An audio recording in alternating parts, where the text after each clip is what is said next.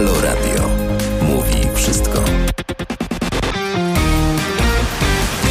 6 minut po godzinie 8. A dzień dobry Państwu, witam serdecznie w poniedziałek, porą jakże poranną, bo to już po ósmej nam się zrobiło. Kuba Wątły, jak zwykle od poniedziałku do piątku, między ósmą a 9.45 jestem z Państwem, co bardzo mnie cieszy, szczególnie wtedy, kiedy musimy zaciskać zęby na pogodę dookulną i e, cały czas uparcie myśleć, że te bociany do Sieradza, to jest prawda, przylecą już za 5 dni, 20 marca i wtedy wiosna nie będzie miała wyjścia, będzie musiała nacierać, a zima będzie musiała się wycofać na z góry upatrzone pozycje. Ale to jeszcze 5 dni do tych e, sieradzkich boćków, tam cztery sztuki mają przylecieć. To już ornitolodzy wiedzą. No, skoro dziś poniedziałek, to tak się złożyło, że 15 dzień marca, 74 dzień roku. Do końca roku pozostało 291 dni. Imieniny obchodzą Klemens, Krzysztof, y, Ludwika, Luiza, Matrona, Probus, Zachariasz i Zachary. I mamy to za sobą. E, Białoruś, święto Konstytucji. Zabawne święto. To podobnie jak z punktu widzenia reżimowej władzy w Polsce święto Konstytucji e, tutaj nad Wisłą. W Liberii urodziny J.J. Robertsa. Międzynarodowe święta to Światowy Dzień Konsumenta, Dzień Piekarzy i Cukierników. A w Węgrach rocznica wiosny ludów. Wydarzenia w Polsce. Rok 1923. Polska granica wschodnia została uznana przez Radę Ambasadorów Antanty. W roku 1930 premier Rzeczpospolitej Kazimierz Bartel podał swój rząd do dymisji. Słyszał pan, panie Mateuszu Morawiecki? Można i tak. Rok 1960 utworzono Woliński Park Narodowy. W 1989 weszło w życie nowe prawo dewizowe, które zalegalizowało prywatny obrót walutami. A w 2007 roku podczas targów biżuterii w Gdańsku skradziono diamenty warte 1,5 miliona dolarów. I to jest Halo Poranek. Tym radośniej, skoro to Halo Poranek poniedziałkowy. Przypomnę Państwu, że poniedziałek to taki dzień, kiedy wracamy do naszych Halo felietonów, dlatego też o 9.50 felieton doktora Przemysława Witkowskiego, o 12.50 felieton Bartosza Fiałka, lekarza, o 14.50 felieton Igora Isajewa, ukraińskiego dziennikarza pracującego i mieszkającego w Polsce, a o 16.50 felieton Jarosława Gugały. I tak codziennie, od poniedziałku do piątku. Znaczy i tak codziennie oznacza, że codziennie inne fantastyczne nazwiska naszych felietonistek i felietonistów. Zerknijmy zatem do naszej porannej agendy o 8.45. To już taka świecka tradycja. Połączymy się z doktorem habilitowanym Dominikiem Batorskim, socjologiem internetu, tu biorę oddech, z Interdyscyplinarnego Centrum Modelowania Matematycznego i Komputerowego Uniwersytetu Warszawskiego. Co tydzień rozmawiamy między innymi o wykluczeniu cyfrowym, dostępie do edukacji w dobie zdalnej nauki i technologicznych trudnościach stawianych przed seniorami, ale głównie to wykluczenie cyfrowe. 8.45, doktor habilitowany Dominik Bator. No i tak patrzę dalej, 9.15 połączymy się z profesorem doktorem habilitowanym Ryszardem Cichockim, socjologiem z Uniwersytetu Adama Mickiewicza. O czym? Polska stacza się w autokrację najszybciej na świecie. Wskazuje na to najnowszy międzynarodowy raport. Dzisiaj w ogóle więcej o nim będziemy mówić, a już na pewno bardzo dużo powiemy sobie o 9.15 wspólnie z panem profesorem Ryszardem Cichockim, socjologiem. Tak więc pozostaje państwu, no, kawa, herbata pozostanie z nami do 9.45, a potem jeszcze, jeszcze i jeszcze i 10 minut po ósmej.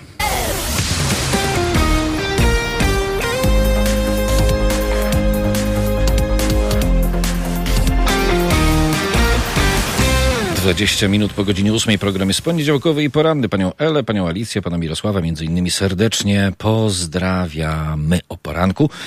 Albowiem to jest taki moment, taki czas, kiedy musimy się bardzo pozytywnie nastawić do dnia i całego tygodnia, w związku z czym państwo pomagacie nam, a my staramy się pomóc wam.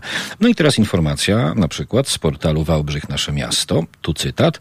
Pomnik bestii Jana Pawła II w Krakowie. Kościół ofiar świętego Jana Pawła II w Nowym Sączu, czy kurwie parafia diecezjalna w Tarnowie. To tylko niektóre z obraźliwych i uderzających w papieża i instytucje kościelne nazw, które w ostatnich dniach pojawiły się przy opisach miejsc na popularnych mapach Google w Małopolsce. Według przedstawicieli kościoła to kolejna odsłona ataku na pamięć o papieżu i na wierzących w kraju. Tak pisze mm, portal Wałbrzych, nasze miasto. Y, mamy kilka odpowiedzi mm, na to, co napisał y, portal Wałbrzych, nasze miasto. Na przykład Andrzej Sapkowski powiedział kiedyś tak. Co ich najbardziej rozwściecza? Nie apostazja i bezbożność, nie negacja sakramentów, nie rewizje dogmatów czy zaprzeczenie tymże, nie demonolatira. Najbardziej ich rozruszają wezwania do ewangelicznego ubóstwa, do pokory, do poświęcenia, do służenia Bogu i ludziom. Dostają szału, gdy ktoś żąda od nich wyrzeczenia się władzy i, na końcu czego, zgadniecie państwo, pieniędzy. Czyli jak to już mówiliśmy wielokrotnie, dla Kościoła najważniejsze są pieniądze, nasze pieniądze. Andrzej Sapkowski dostają szał, gdy ktoś żąda od nich wyrzeczenia się władzy i pieniędzy. Albo na przykład Umberto Eco, fragment, y, cytat y, z cmentarza w Pradze. Cywilizacja nie osiągnie doskonałości, póki ostatni kamień z ostatniego kościoła nie spadnie na ostatniego księdza i nie uwolni świata od tej pasożytniczej hołoty. No, Pewnie to przenośnia literacka, bo przecież szkoda kamieni, mm, żeby spadały na byle kogo. Z kamieni można też budować. Co do pasożytniczej hołoty, to w pełni się Zgadzam. Teraz małpahalo.radio, Państwa komentarze YouTube, Facebook i Mixcloud. Jeśli znacie jeszcze gdzieś miejsca na mapie, nie tylko w Małopolsce, które są kolejną odsłoną ataku na pamięć o papieżu i na wierzących w kraju, to czekamy na takie informacje, bo z poniedziałku nas cieszą. Mm, a teraz już coś, co cieszy nas mniej. Polska zajęła pierwsze miejsce w zestawieniu państw autokratyzujących się z dramatycznym spadkiem wskaźnika liberalnej demokracji o 34 punkty procentowe. A spadek ten jest widoczny od 2015 roku, podkreślili autorzy zestawienia opublikowanego w najnowszym raporcie Democracy Report mm, na rok 2020. 2021. Przygotowują go co roku naukowcy z międzynarodowego projektu. Jest prowadzony przez Wydział Nauk Politycznych Uniwersytetu w Göteborgu w Szwecji, realizowany przez zespół 50 naukowców z sześciu kontynentów. Gromadzą oni dane na temat demokracji i mierzą poziom przestrzegania jej zasad lub odstępstw od zasad demokracji. Współpracują z ponad 3,5 tysiącami krajowych ekspertów i Międzynarodową Radą Doradczą. Sam raport to efekt analizy danych zgromadzonych w jedenastej edycji mm, zbioru tego raportu. No cóż, niechlubne pierwsze miejsce. Kogo to interesuje? Niewielu to interesuje, tylko tych, którzy znają wartość słowa demokracja i nie są w swoim życiu skupieni na promocji w tym lub innym markecie. Eee, ale proszę Państwa, mm, żeby nie było tak źle, to są też wśród nas tacy, którzy wiedzą, mm, jak należy postępować w określonych sytuacjach, które z państwem prawa nie mają nic wspólnego, bo jak mawia e, nasz przyjaciel i felietonista sędzia Igor Tuleja, nie ma wolnych sądów bez wolnych mediów i nie ma wolnych mediów bez wolnych sądów. E, a jak państwo z pewnością wiecie, Igor Tuleja ma być doprowadzony siłą na przesłuchanie do prokuratury. Ja bym powiedział, siłą ma być doprowadzony przez, e, przed tak zwany wymiar sprawiedliwości. I oto adwokat Jacek Dibuła pisze tak. Drodzy posłowie opozycji, sprawdzianem na to, jak bronicie demokracji, będzie to, jak będziecie bronić sędziów sędziego Tulei. Na początek proponowałbym poselską straż obywatelską pod domem sędziego Tulei. Miłego dnia, napisał adwokat Jacek Dibuła. I tutaj już mogę Państwu na razie w tajemnicy powiedzieć, że niebawem pan Jacek Dibuła dołączy do grona naszych felietonistek i felietonistów. Zacna to osoba mająca bardzo dużo do powiedzenia. E, co do posłów opozycji, to zacytowałem pana Jacka Dibuła z bardzo prostego powodu. E, to właśnie na antenie Haloradia bardzo często e, podnosimy ten argument, że po to opozycja działa nadal legalnie na terenie Rzeczpospolitej Polskiej, żeby nie siedzieć li tylko w ławach poselskich, skoro i tak nie ma z tego żadnego pożytku, tylko żeby w sytuacjach skrajnych pojawiać się w całości na czole tego lub innego protestu. Warto zadać sobie pytanie, czy tak traumatycznie przebiegałyby protesty mm, środowisk kobiecych, e, gdyby pomiędzy policją a kobietami e, pojawili się na przykład wszyscy członkowie parlamentarnej demokratycznej opozycji, bo nie mowa o tej demokratycznej e, opozycji. E, zastanawiam się, trochę się uśmiechając przez łzy, jak e, drodzy posłowie opozycji odbiorą apel pana Jacka Dibuła. Myślę, że go nie odbiorą w ogóle. I w momencie, w którym sędzia Igor Tuleja będzie doprowadzany siłą przed oblicze tak zwanej ziobrowskiej sprawiedliwości, będziemy mieli festiwal łukania i płakania przed kamerami różnych stacji telewizyjnych.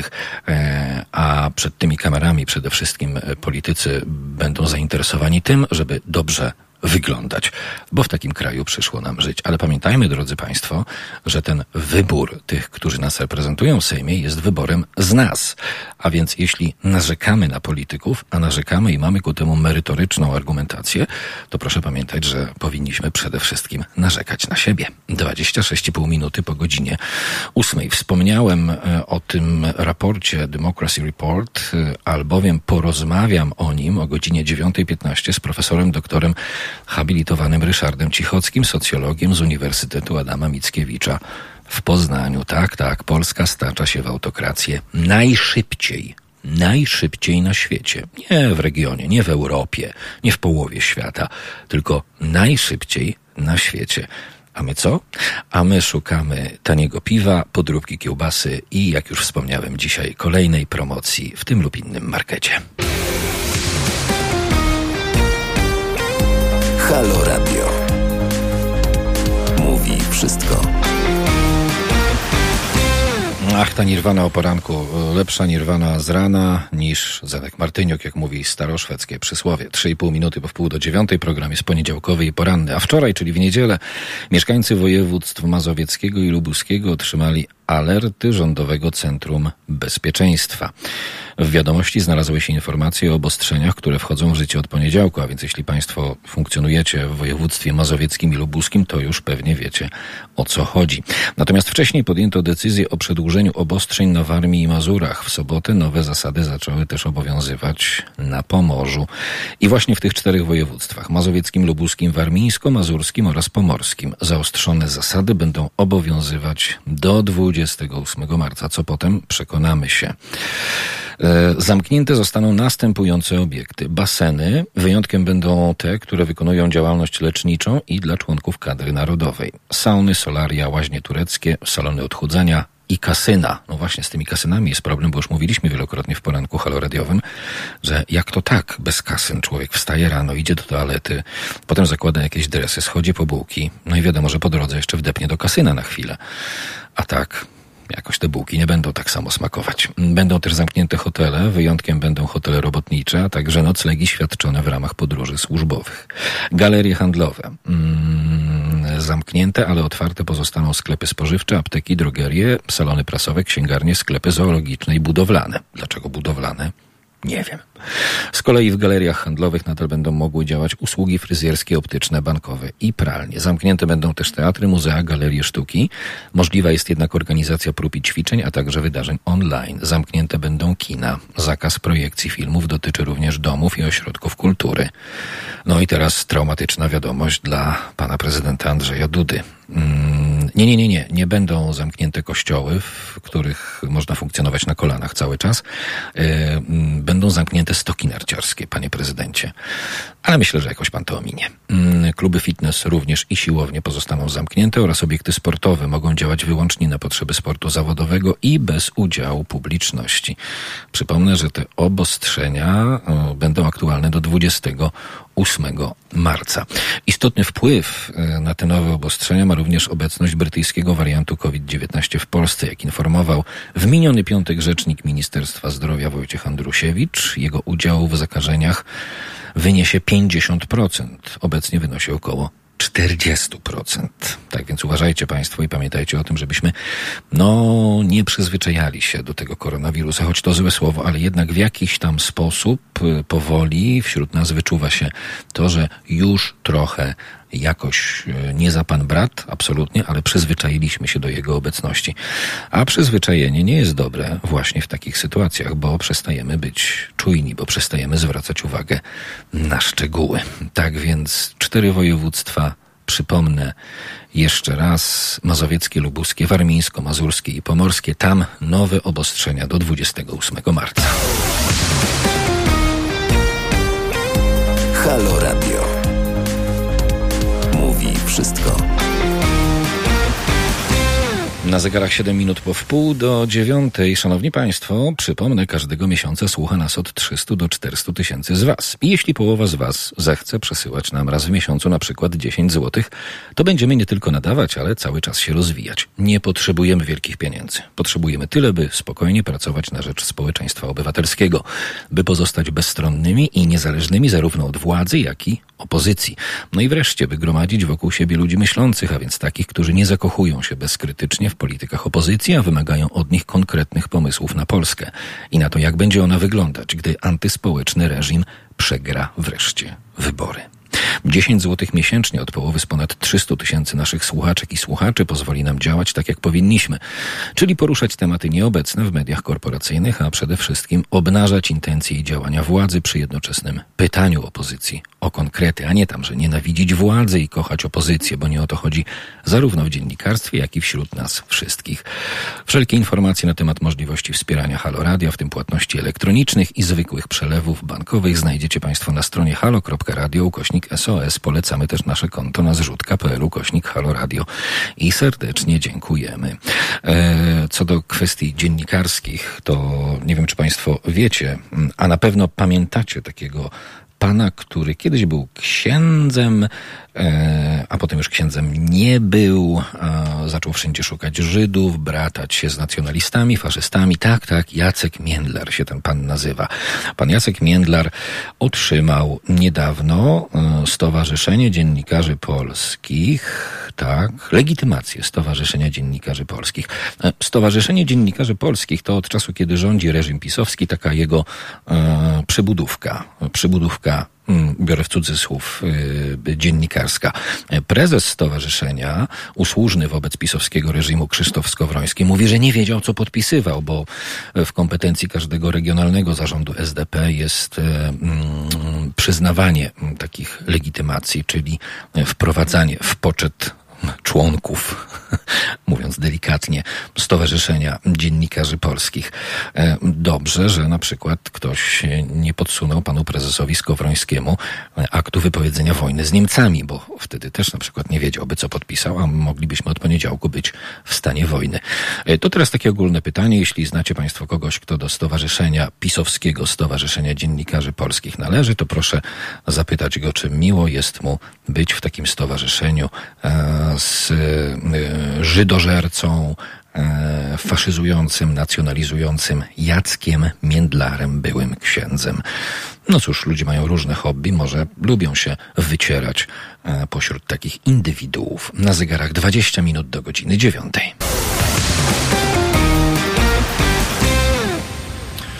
Na zegarach kwadrans i pół minuty do godziny dziewiątej. Program jest, proszę Państwa, poniedziałkowy i poranny. I zgodnie z umową łączę się z panem doktorem habilitowanym Dominikiem Batorskim, socjologiem internetu z Interdyscyplinarnego Centrum Modelowania Matematycznego i Komputerowego Uniwersytetu Warszawskiego. Dzień dobry, panie doktorze. Dzień dobry panu, dzień dobry państwu. Co dobrego? No, początek nowego tygodnia.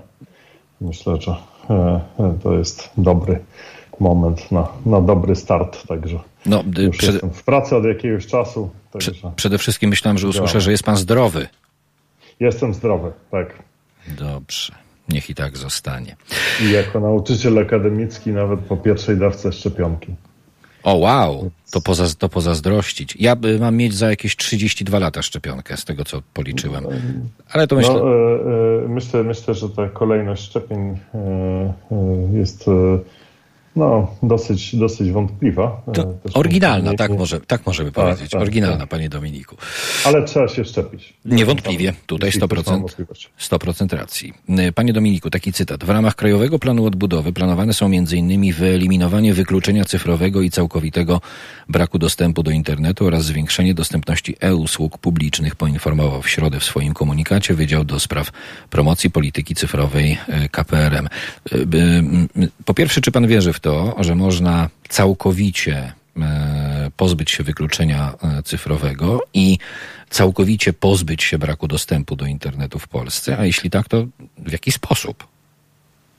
Znaczy, no, myślę, że nie byłoby to specjalnie efektywne działanie, dlatego że e, no, po prostu wiele osób nie ma potrzeby korzystania z internetu i nawet mając E, komputer, internet, e, to, to niekoniecznie będzie z tego e, korzystało. Tak? tak? Więc można powiedzieć, że mamy różne poziomy wykluczenia cyfrowego. No i sam problem na przykład braku dostępu jest no, w gruncie rzeczy problemem dosyć marginalnym. To znaczy bardzo niewiele osób w Polsce nie korzysta z internetu, ponieważ w miejscu, gdzie mieszkają, E, tego dostępu zupełnie nie ma. E, także e, no można powiedzieć, że a, a z kolei walczenie z no tutaj mm, powiedzmy przekonaniami części osób, czy z brakiem motywacji, no jest, jest po prostu zadaniem bardzo trudnym.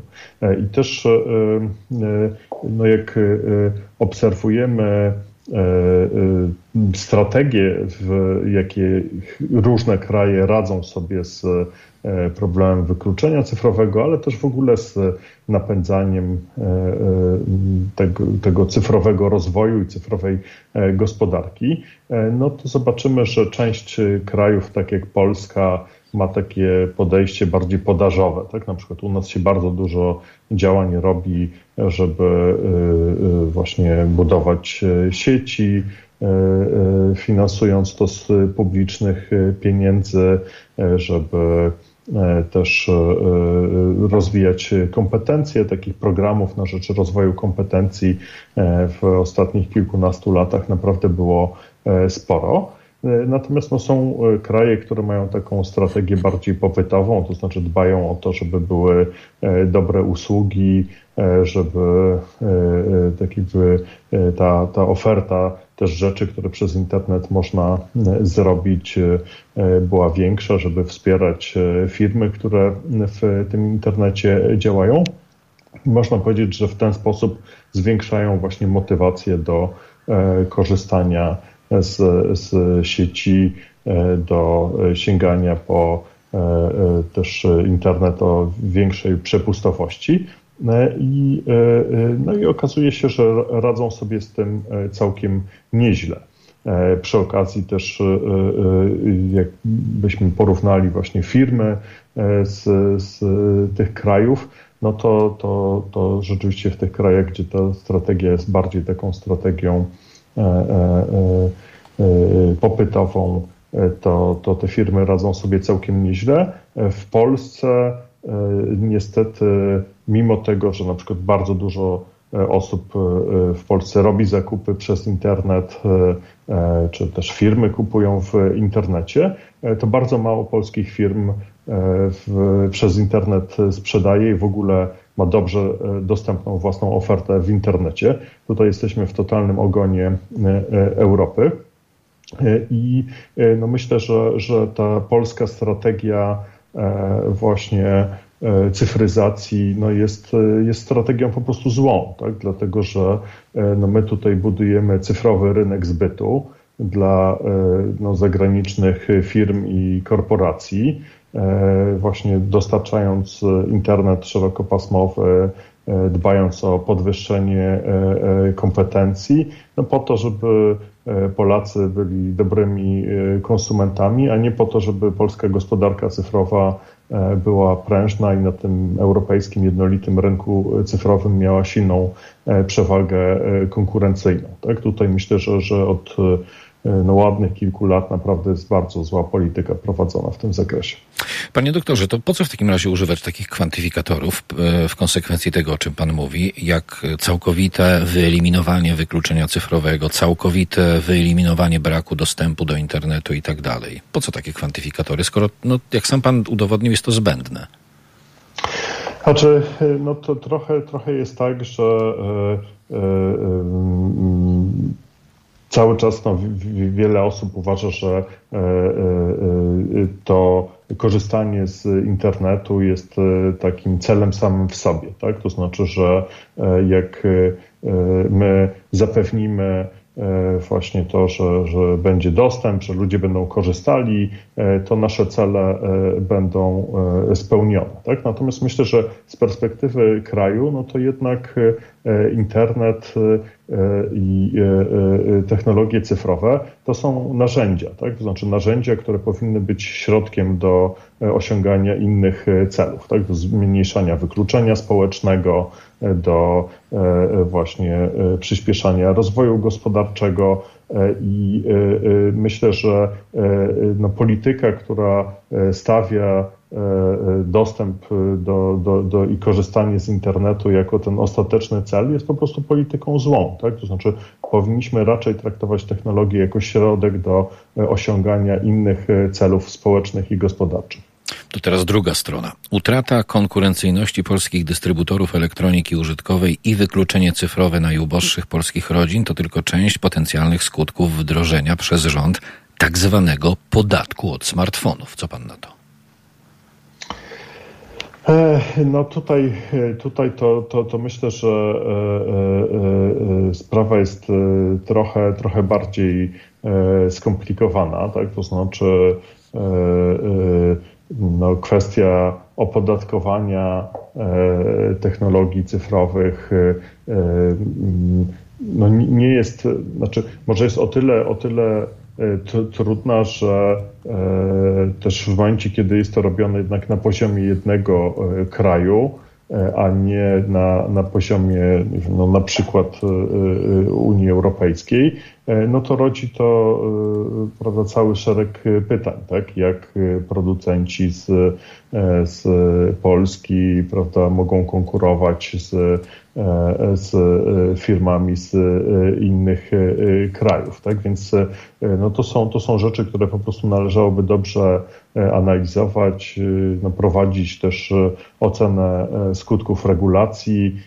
Ja tutaj szczerze mówiąc nie widziałem takiej E, no, dobrej oceny skutków regulacji w, w, w tym zakresie, także, e, także no, wydaje mi się, że tego typu rzeczy po prostu powinny być bardziej analizowane pod kątem możliwych efektów e, właśnie społecznych i gospodarczych. No i już Państwo wszystko wiecie, jeśli chodzi o te dwa tematy. Doktor habilitowany Dominik Batorski, socjolog internetu, Interdyscyplinarne Centrum Modelowania Matematycznego i Komputerowego Uniwersytetu Warszawskiego. Doktorze, słyszymy i widzimy się za tydzień? Jak najbardziej. Pięknie Bardzo dziękuję. Państwu dziękuję. Do zobaczenia. Dziękuję, do usłyszenia. Na zegarach 6 minut do godziny 9 nam pozostało. Przypominam Państwu, że o 9.15 połączymy się z panem profesorem, doktorem habilitowanym Ryszardem Cichockim, socjologiem z Uniwersytetu Adama Mickiewicza w Poznaniu. A o czym będziemy rozmawiać? O tym, że Polska stacza się w autokrację najszybciej na świecie. Nie najszybciej w regionie, nie najszybciej w Europie. Najszybciej na świecie staczamy się w autokrację. O tym z profesorem doktorem habilitowanym Ryszardem Cichockim, socjologiem z Uniwersytetu Adama Mickiewicza w Poznaniu już o 9.15. Do 9.00 teraz pozostało 5 minut, a więc za 5 minut Halo Wiadomości, potem Halo Pogoda i wracam do Państwa w poniedziałkowym Halo Poranku. Halo Radio. Mówi wszystko. Na zegarach 5,5 minuty po dziewiątej.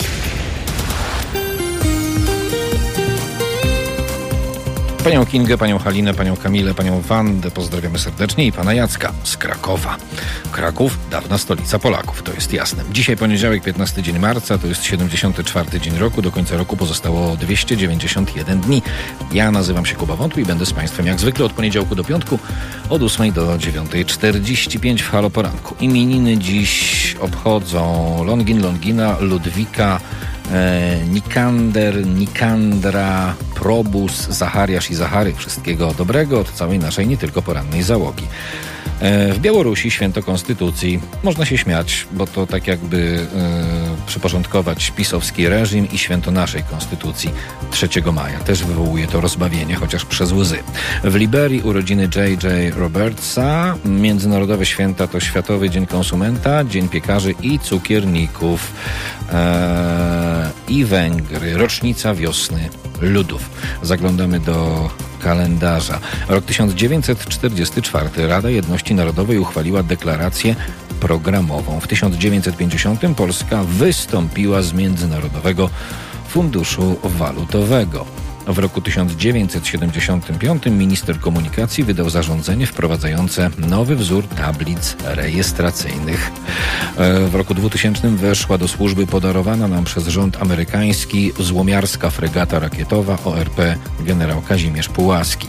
E, w 2002 Sejm Rzeczpospolitej przyjął ustawę o ustroju miasta stołecznego Warszawy. W 2003 rozpoczął się czwarty zjazd gnieźnieński. No wiadomo, że bez niego żyć się nie da. Zarówno pierwszego, drugiego, trzeciego, czwartego. W 2013 premiera filmu animowanego 3D Warszawa 1935. To już było dość dawno temu, ale jak Państwo nie widzieli, to polecam serdecznie film w przestrzeni internetowej do obejrzenia. Fantastyczne dzieło. Warszawa 1935. Animowany film w 3D. 8 minut po dziewiątej. Mm, o 9.15 połączymy się z panem profesorem, doktorem habilitowanym Ryszardem Cichockim, socjologiem z Uniwersytetu Adama Mickiewicza w Poznaniu. Mm, będziemy rozmawiać o tym, jak to Polska stacza się w autokrację najszybciej na świecie. To nie jest tak, że jesteśmy w pierwszej dziesiątce czy dwudziestce.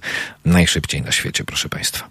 A więc 9.15, profesor doktor habilitowany, socjolog Ryszard Cichocki. Jako, że dziś poniedziałek, to przypomnę Państwu o 9.50 felieton doktora Przemysława Witkowskiego, o 12.50 felieton Bartosza Fiałka, lekarza, o 14.50 felieton Igora Isejewa, ukraińskiego dziennikarza i publicysty pracującego i mieszkającego w Polsce, a o 16.50 felieton Jarosława Gugały. E, do wybornego zestawu naszych felietonistek i felietonistów dołączyła Marta Lempart w piątki o 16.50. Marta Lempart była obecna na naszej antenie, ale Sami Państwo wiecie, co działo się na ulicach. Niestety nie mogła się rozstroić, w związku z czym nie była w stanie prowadzić e, programu na antenie Halo Radia raz w tygodniu przez dwie godziny, ale będzie naszą felietonistką e, w piątki o 16.50. E, również przygotowuje się do zostania felietonistą znany, lubiany, ceniony i szanowany adwokat, pan Jacek Dibuła. To powód rzeczywiście do radości, bo ten zestaw felietonistek i felietonistów w Halo Radio wygląda, mm, no cymes, tak można powiedzieć. Rzeczywiście cymes. 9,5 minuty po dziewiątej. Program jest poranny. Halo Radio. Mówi wszystko. Kwadrans po godzinie dziewiątej anonsowaliśmy już Państwu dzisiaj ten temat, ale Przypomnijmy, bo warto przypominać. Polska zajęła pierwsze miejsce w zestawieniu państw autokratyzujących się z dramatycznym spadkiem wskaźnika liberalnej demokracji o 34 punkty procentowe, a spadek ten jest widoczny od 2015 roku, podkreślili autorzy zestawienia opublikowanego w najnowszym raporcie Democracy Report na rok 2021.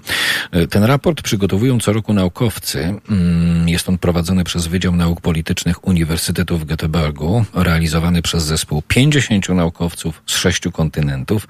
Gromadzą oni dane na temat demokracji i mierzą poziom przestrzegania jej zasad, no albo odstępstw od zasad demokracji.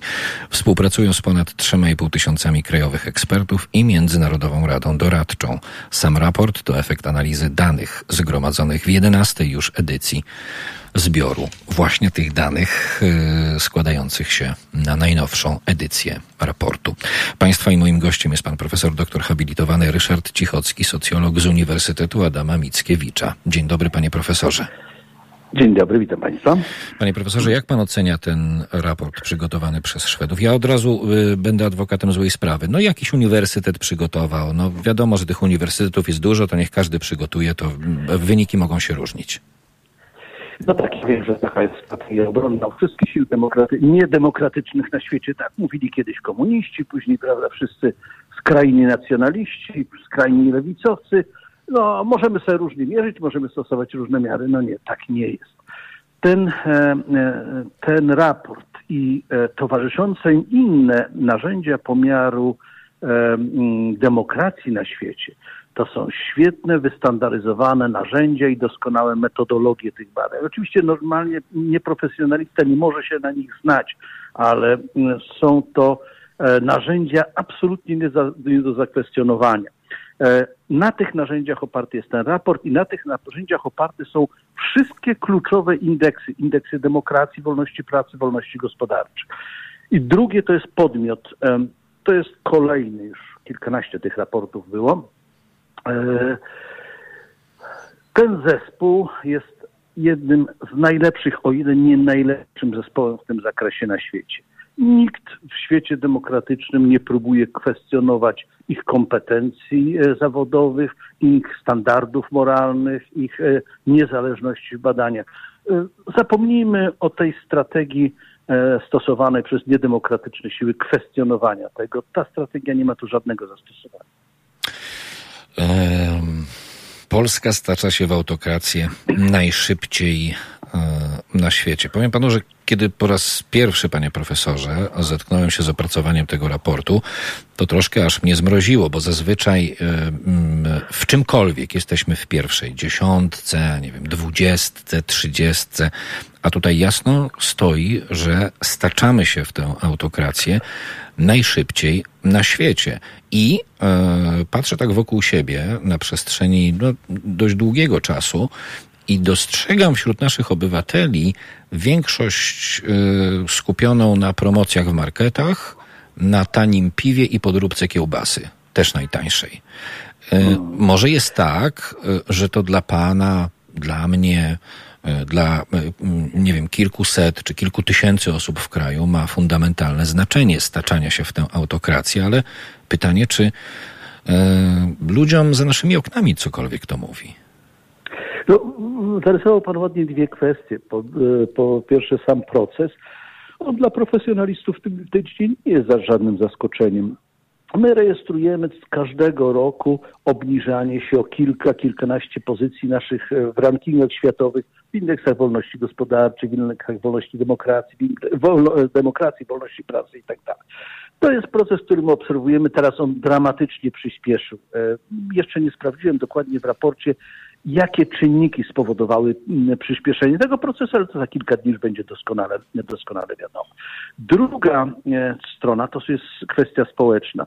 Wie pan, w, na początku lat 90. pamiętam krążył taki dowcip w Polsce, że komuna by nigdy nie upadła, gdyby pasztetowa była tańsza.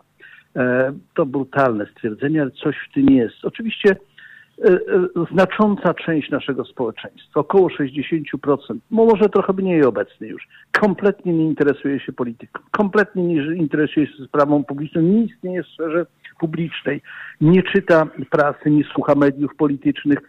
Ich koncentracja obraca się na wąziutkim świecie konsumpcji własnych przyjemności. Kiedyś było e, bardzo wyraźnie oddzielone. No, elity jednak ludzi wykształconych, które kiedyś były 8-10% w społeczeństwie, musiały uczestniczyć w sferze publicznej. Teraz ten odsetek ludzi z wyższym wykształceniem jest tak wysoki, że nawet w kręgu ludzi wykształconych odset, no, ta część ludzi nie interesujących się polityką jest bardzo wysoka, około 20%. E, to jest bardzo wysoki wskaźnik. Tak? Ta koncentracja e, e, na tej codzienności, na bieżących sprawach, no wynika z jednej strony no, z, no, z takiej potrzeby no, życia trochę lepiej, prawda, zarabiania nieco więcej, kupienia sobie nowej pralki, lepszego samochodu, ale ona jest też starannie bardzo budowana przez rządzących. Rządzący robią wszystko, aby ludzie uciekli ze sfery publicznej w sferę, w sferę prywatności. Wtedy będzie wolno im wszystko. Prawda? E, jeżeli my narzekamy na telewizję publiczną w Polsce, to, że ona jest beznadziejna, że nie dostarcza żadnych informacji, to jest celowy zamysł. Ludzie nie mają oglądać programów informacyjnych, mają oglądać E, miłe seriale, komedie romantyczne, e, kryminały, prawda? Ci, którzy się mniej boją horrory, prawda? I tam jeszcze inne rzeczy. Czy krótko mówiąc, wszystko to, co buduje nasze emocje. Słucham pana z przerażeniem, panie profesorze. Halo? Tak, tak, ja y, słyszę pana. Słyszymy się?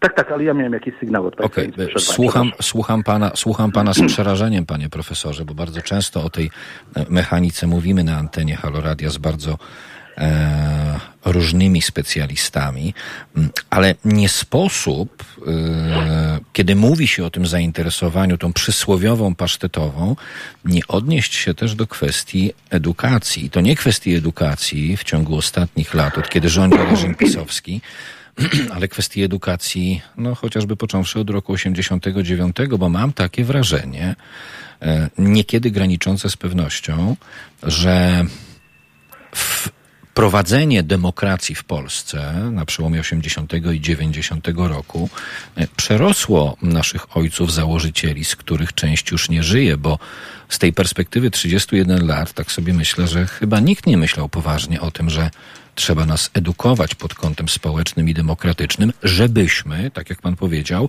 politykom nie dawali się wypychać w tę sferę prywatną.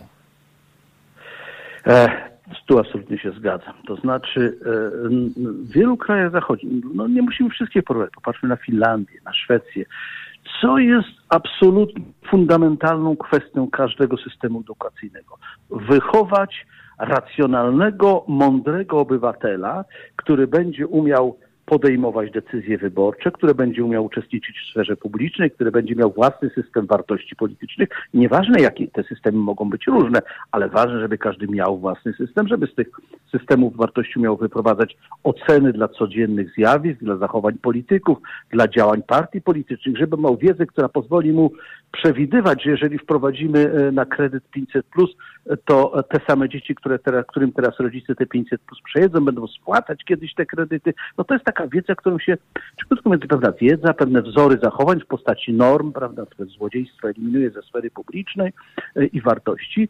To jest coś, co się nazywa kompetencją obywatelską. Otóż kompetencja obywatelska jest absolutnie wątkiem przewodnim w bardzo wielu krajach Euro Unii Europejskiej. A dopiero później jest wiedza fizyczna, biologiczna, chemiczna, humanistyczna, a na samym zupełnie y, końcu pewne kwestie światopoglądowo-religijne jakieś tam, zresztą coraz wyraźniej usuwane z systemów edukacyjnych. No u nas poszło to w odwrotnym kierunku. Dlaczego, znaczy, panie profesorze, w odwrotnym? Wie pan, no, tu by trzeba znowu cofnąć się do, do przeszłości. W przeszłości oczywiście szkoła była zdominowana przez partię komunistyczną. System edukacyjny był wyraźnie podporządkowany i tym interesom. Partia komunistyczna miała dokładnie mm, takie same interesy jak, jak rząd, wszyscy rządzący, e, rządzące siły niedemokratyczne. Wypchnąć ludzi ze sfery publicznej, niech pójdą, zamanifestują e, prawda, na 1 maja, ale niech się nie interesują za bardzo e, e, tym, co się dzieje w kraju, bo jak się interesują, to można dostać po łapach, jak prawda, prekursorzy e, koru trafić do więzienia. Prawda? Sygnał był jasny. I teraz sygnał jest mniej więcej taki sam. Zajmujcie się pasztetową przyjemnościami, wyjazdem, wyjazdem do Egiptu, e, jeszcze paroma innymi, no, kolorem nowego samochodu, prawda, jak was stać, tak? Ale nie zajmujcie się polityką, tak? Bo jak się zajmiecie polityką, no to przecież powtarzamy te same sytuacje. Ludzie uczestniczący w manifestacjach kończą w więzieniach, są prześladowani i tak dalej. Tak? Mechanizm jest zawsze ten sam, to jest niezależne, niezależne od systemu. Tam e, w poprzednim systemie to było wprowadzone. Na chwilę udało się to odkręcić, na dwadzieścia parę lat, prawda? Ale ten mechanizm działa. Dlaczego działa? Bo nie ma oporów społecznych. Czy opór jest, ale jest niewystarczający. Ogromna część ludzi nie ma kompetencji obywatelskiej i nie rozumie, że nie da się żyć dobrze w kraju, w którym nie ma demokracji. E, mają do porównania. Mamy Polskę, mamy Białoruś, mamy Rosję, prawda, i mamy Czechy, tak?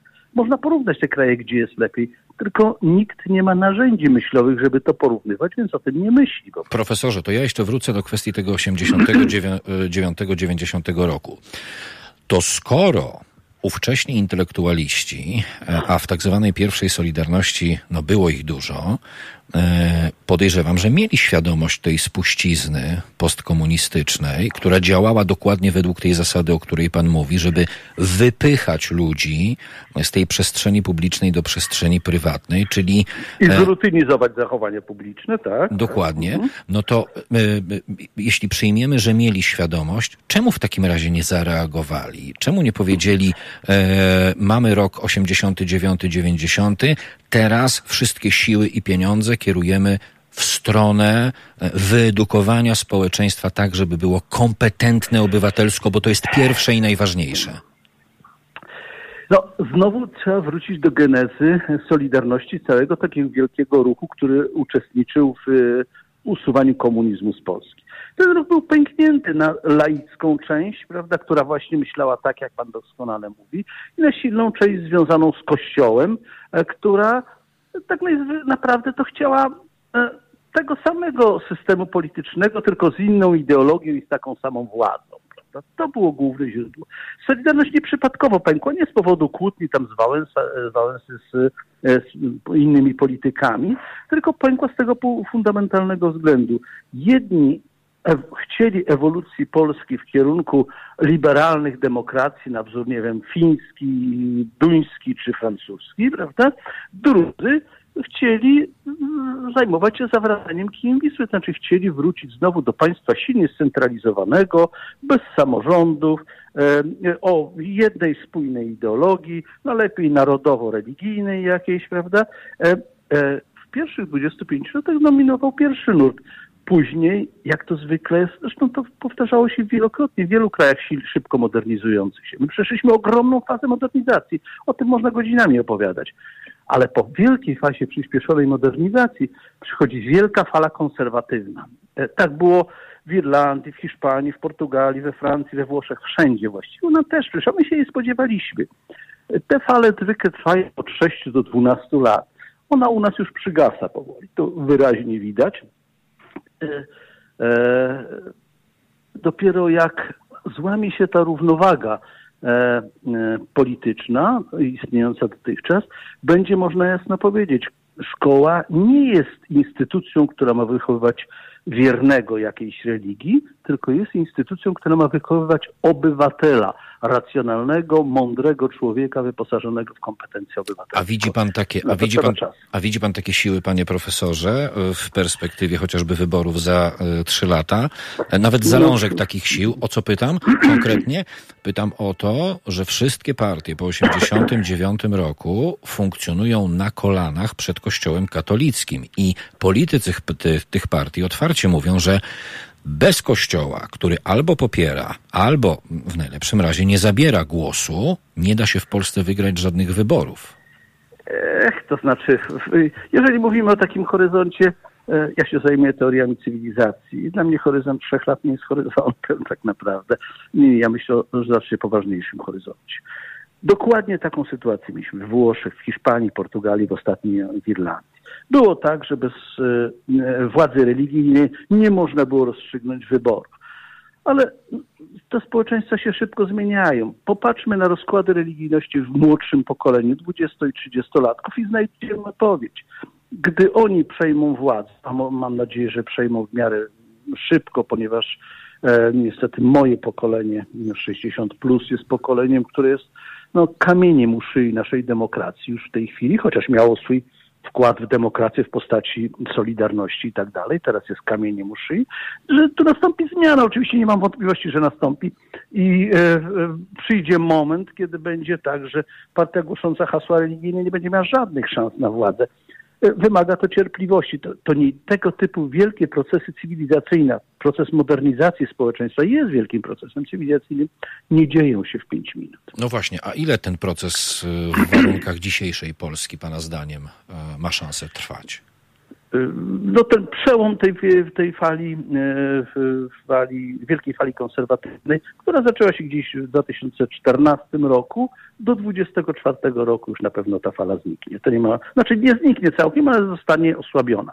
Natomiast pozostaną ogromne ilości stanowisk obsadzonych przez ludzi, e, którzy, e, którzy których ta fala wyniosła. I oni wtedy staną się największym gardem tego społeczeństwa. Jest kwestia, jak społeczeństwo sobie e, z tą kategorią osób poradzi. A to społeczeństwo powinno sobie z nią radzić, czy raczej ci, którzy po wygaśnięciu tej fali konserwatywnej, o której pan mówi, przyjdą rządzić? Bo dlaczego o to pytam? Bo też nie ma w polskiej polityce zwyczaju takiego merytorycznego rozliczania poprzedników. Jest po prostu miotła, która sprząta. Natomiast... Nie, zgoda, zgoda. To, to, tu się zgadzam. Natomiast nie, nie, no, ja ciągle jednak myślę jako socjolog w kategoriach społecznych. Oczywiście, że wykonają to pewni politycy z pewnych ekip, które zdobędą władzę w taki lub inny sposób. Mam nadzieję, że demokratyczny, ale wcale nie wykluczam, że może, e, że ten ta wielka fala konserwatywna może się zakończyć niedemokratycznie, czy może się zakończyć jakimś wielkim buntem społecznym. To wszystko jest możliwe oczywiście. Tak? Na razie nie ma ku temu przesłanek.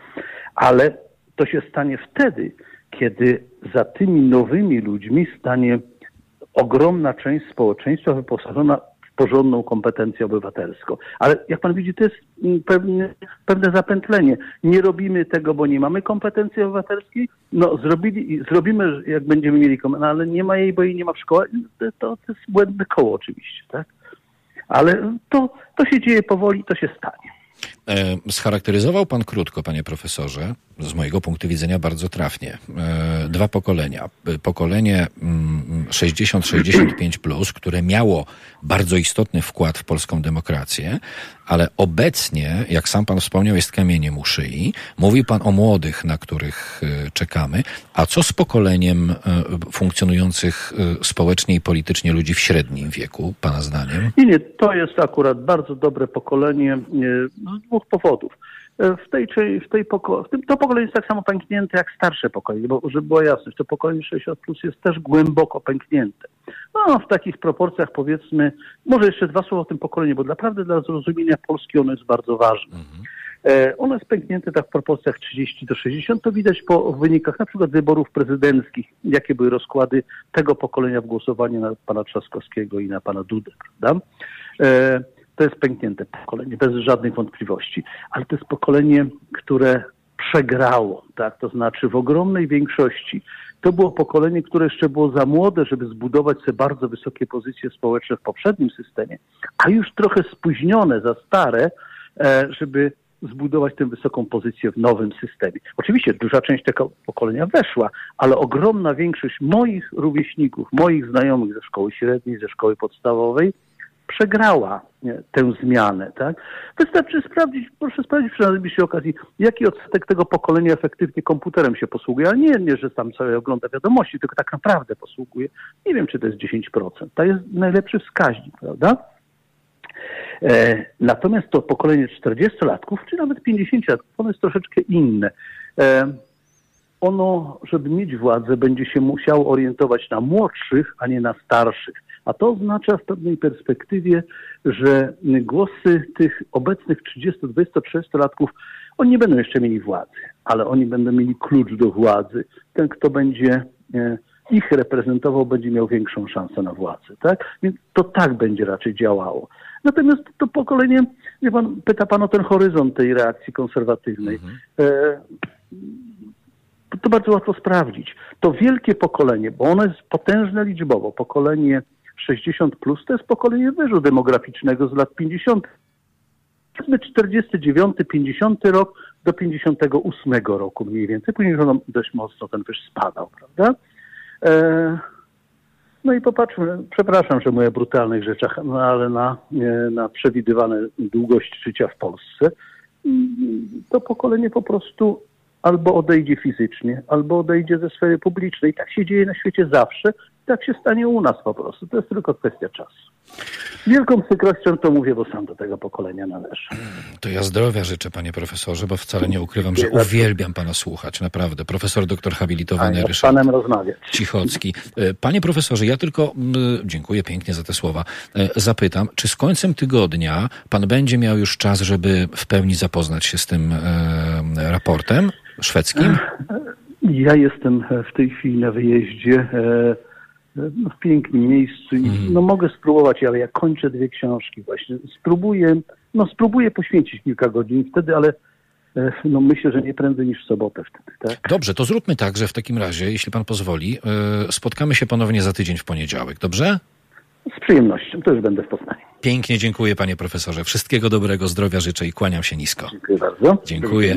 Pan profesor doktor habilitowany Ryszard Cichocki, socjolog z Uniwersytetu Adama Mickiewicza, był państwa i moim gościem. Jak sami państwo słyszeliście, do tych niezwykle ważnych, fundamentalnych kwestii, o których nie mówi się w mediach komercyjnych yy, i w tych, które zajmują się graniem muzyki i mówieniem, która jest godzina. Yy, o tych kwestiach yy, będziemy ponownie mówić za tydzień. Polska stacza się w autokrację najszybciej na świecie, to już wiemy. Ale co nas czeka w niedalekiej przyszłości i przede wszystkim jak własną energią i zaangażowaniem możemy ten trend odwracać? O tym między innymi za tydzień z panem profesorem, doktorem habilitowanym Ryszardem Cichockim, 7 minut po wpół do dziesiątej.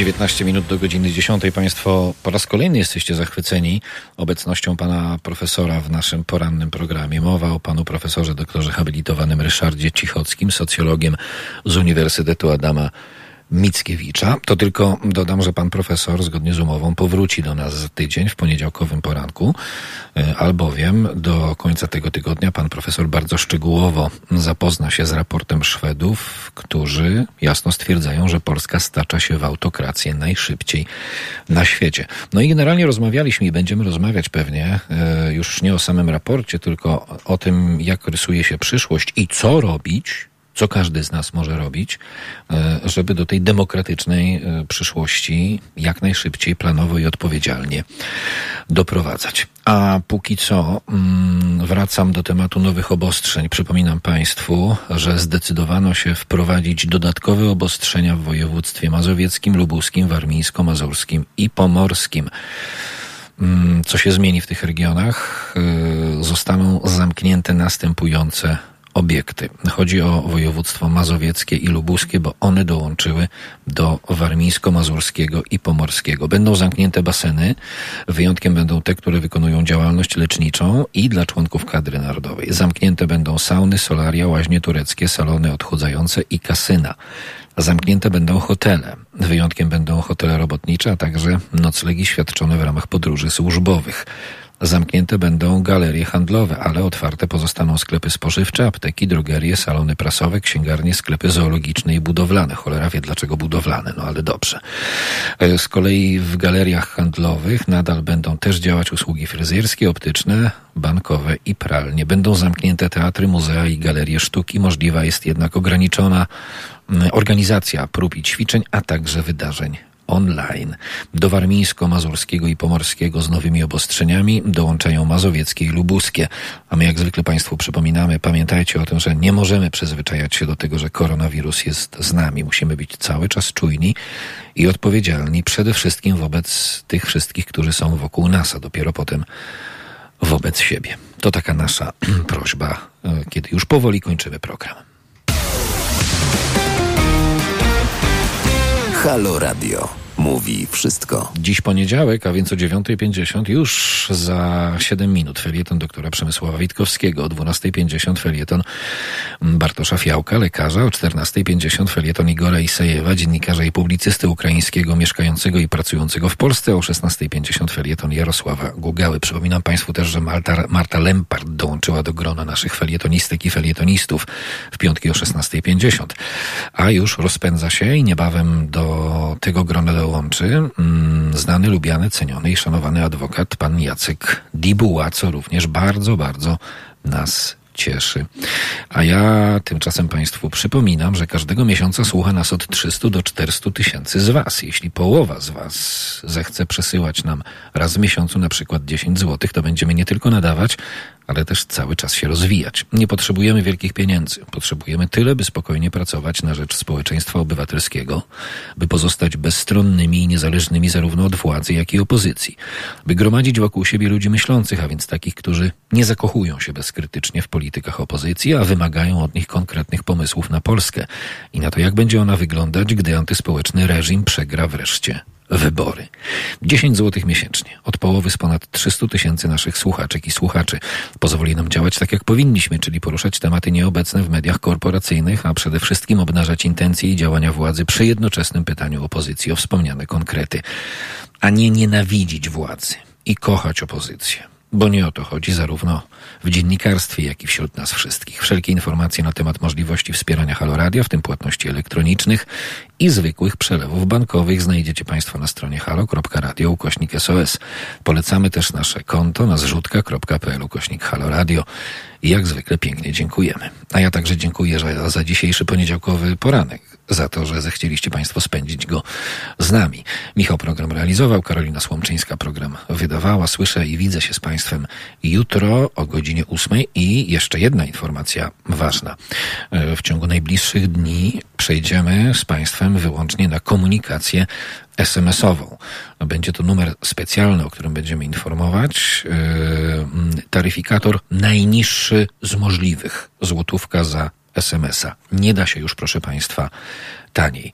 W jednym miejscu komentarze ze strony naszych słuchaczy, yy, słuchaczek, słuchaczy i tych, którzy oglądają nas na YouTubie, Facebooku i Mixcloudzie. Uprościmy i sprowadzimy do jednego mechanizmu naszą komunikację. Będzie to mechanizm SMS-owy, ale o tym będziemy Państwa na bieżąco informować. Stanie się to w ciągu najbliższych kilku dni. Na zegarach 14,5 minut do godziny 10. Już Michael się pospieszy, już wychodzę, już idę, już mnie nie ma. E, halo, późny poranek i halo dzień od godziny 10 do 13, a po 13, jak to zwykle od poniedziałku do piątku, NGOsy i organizacje pożytku publicznego. Dzisiaj Polskie Centrum Pomocy Międzynarodowej. I znów jesteśmy jedynym radiem, w którym NGOsy i organizacje pożytku publicznego mają swoje stałe programy. Nie są gośćmi, mają swoje programy. Dziś Aleksandra um, i e, Polskie Centrum Pomocy Międzynarodowej. Aleksandra Rutkowska oczywiście. Dziękuję Państwu raz jeszcze. Wszystkiego dobrego i dobrego dnia.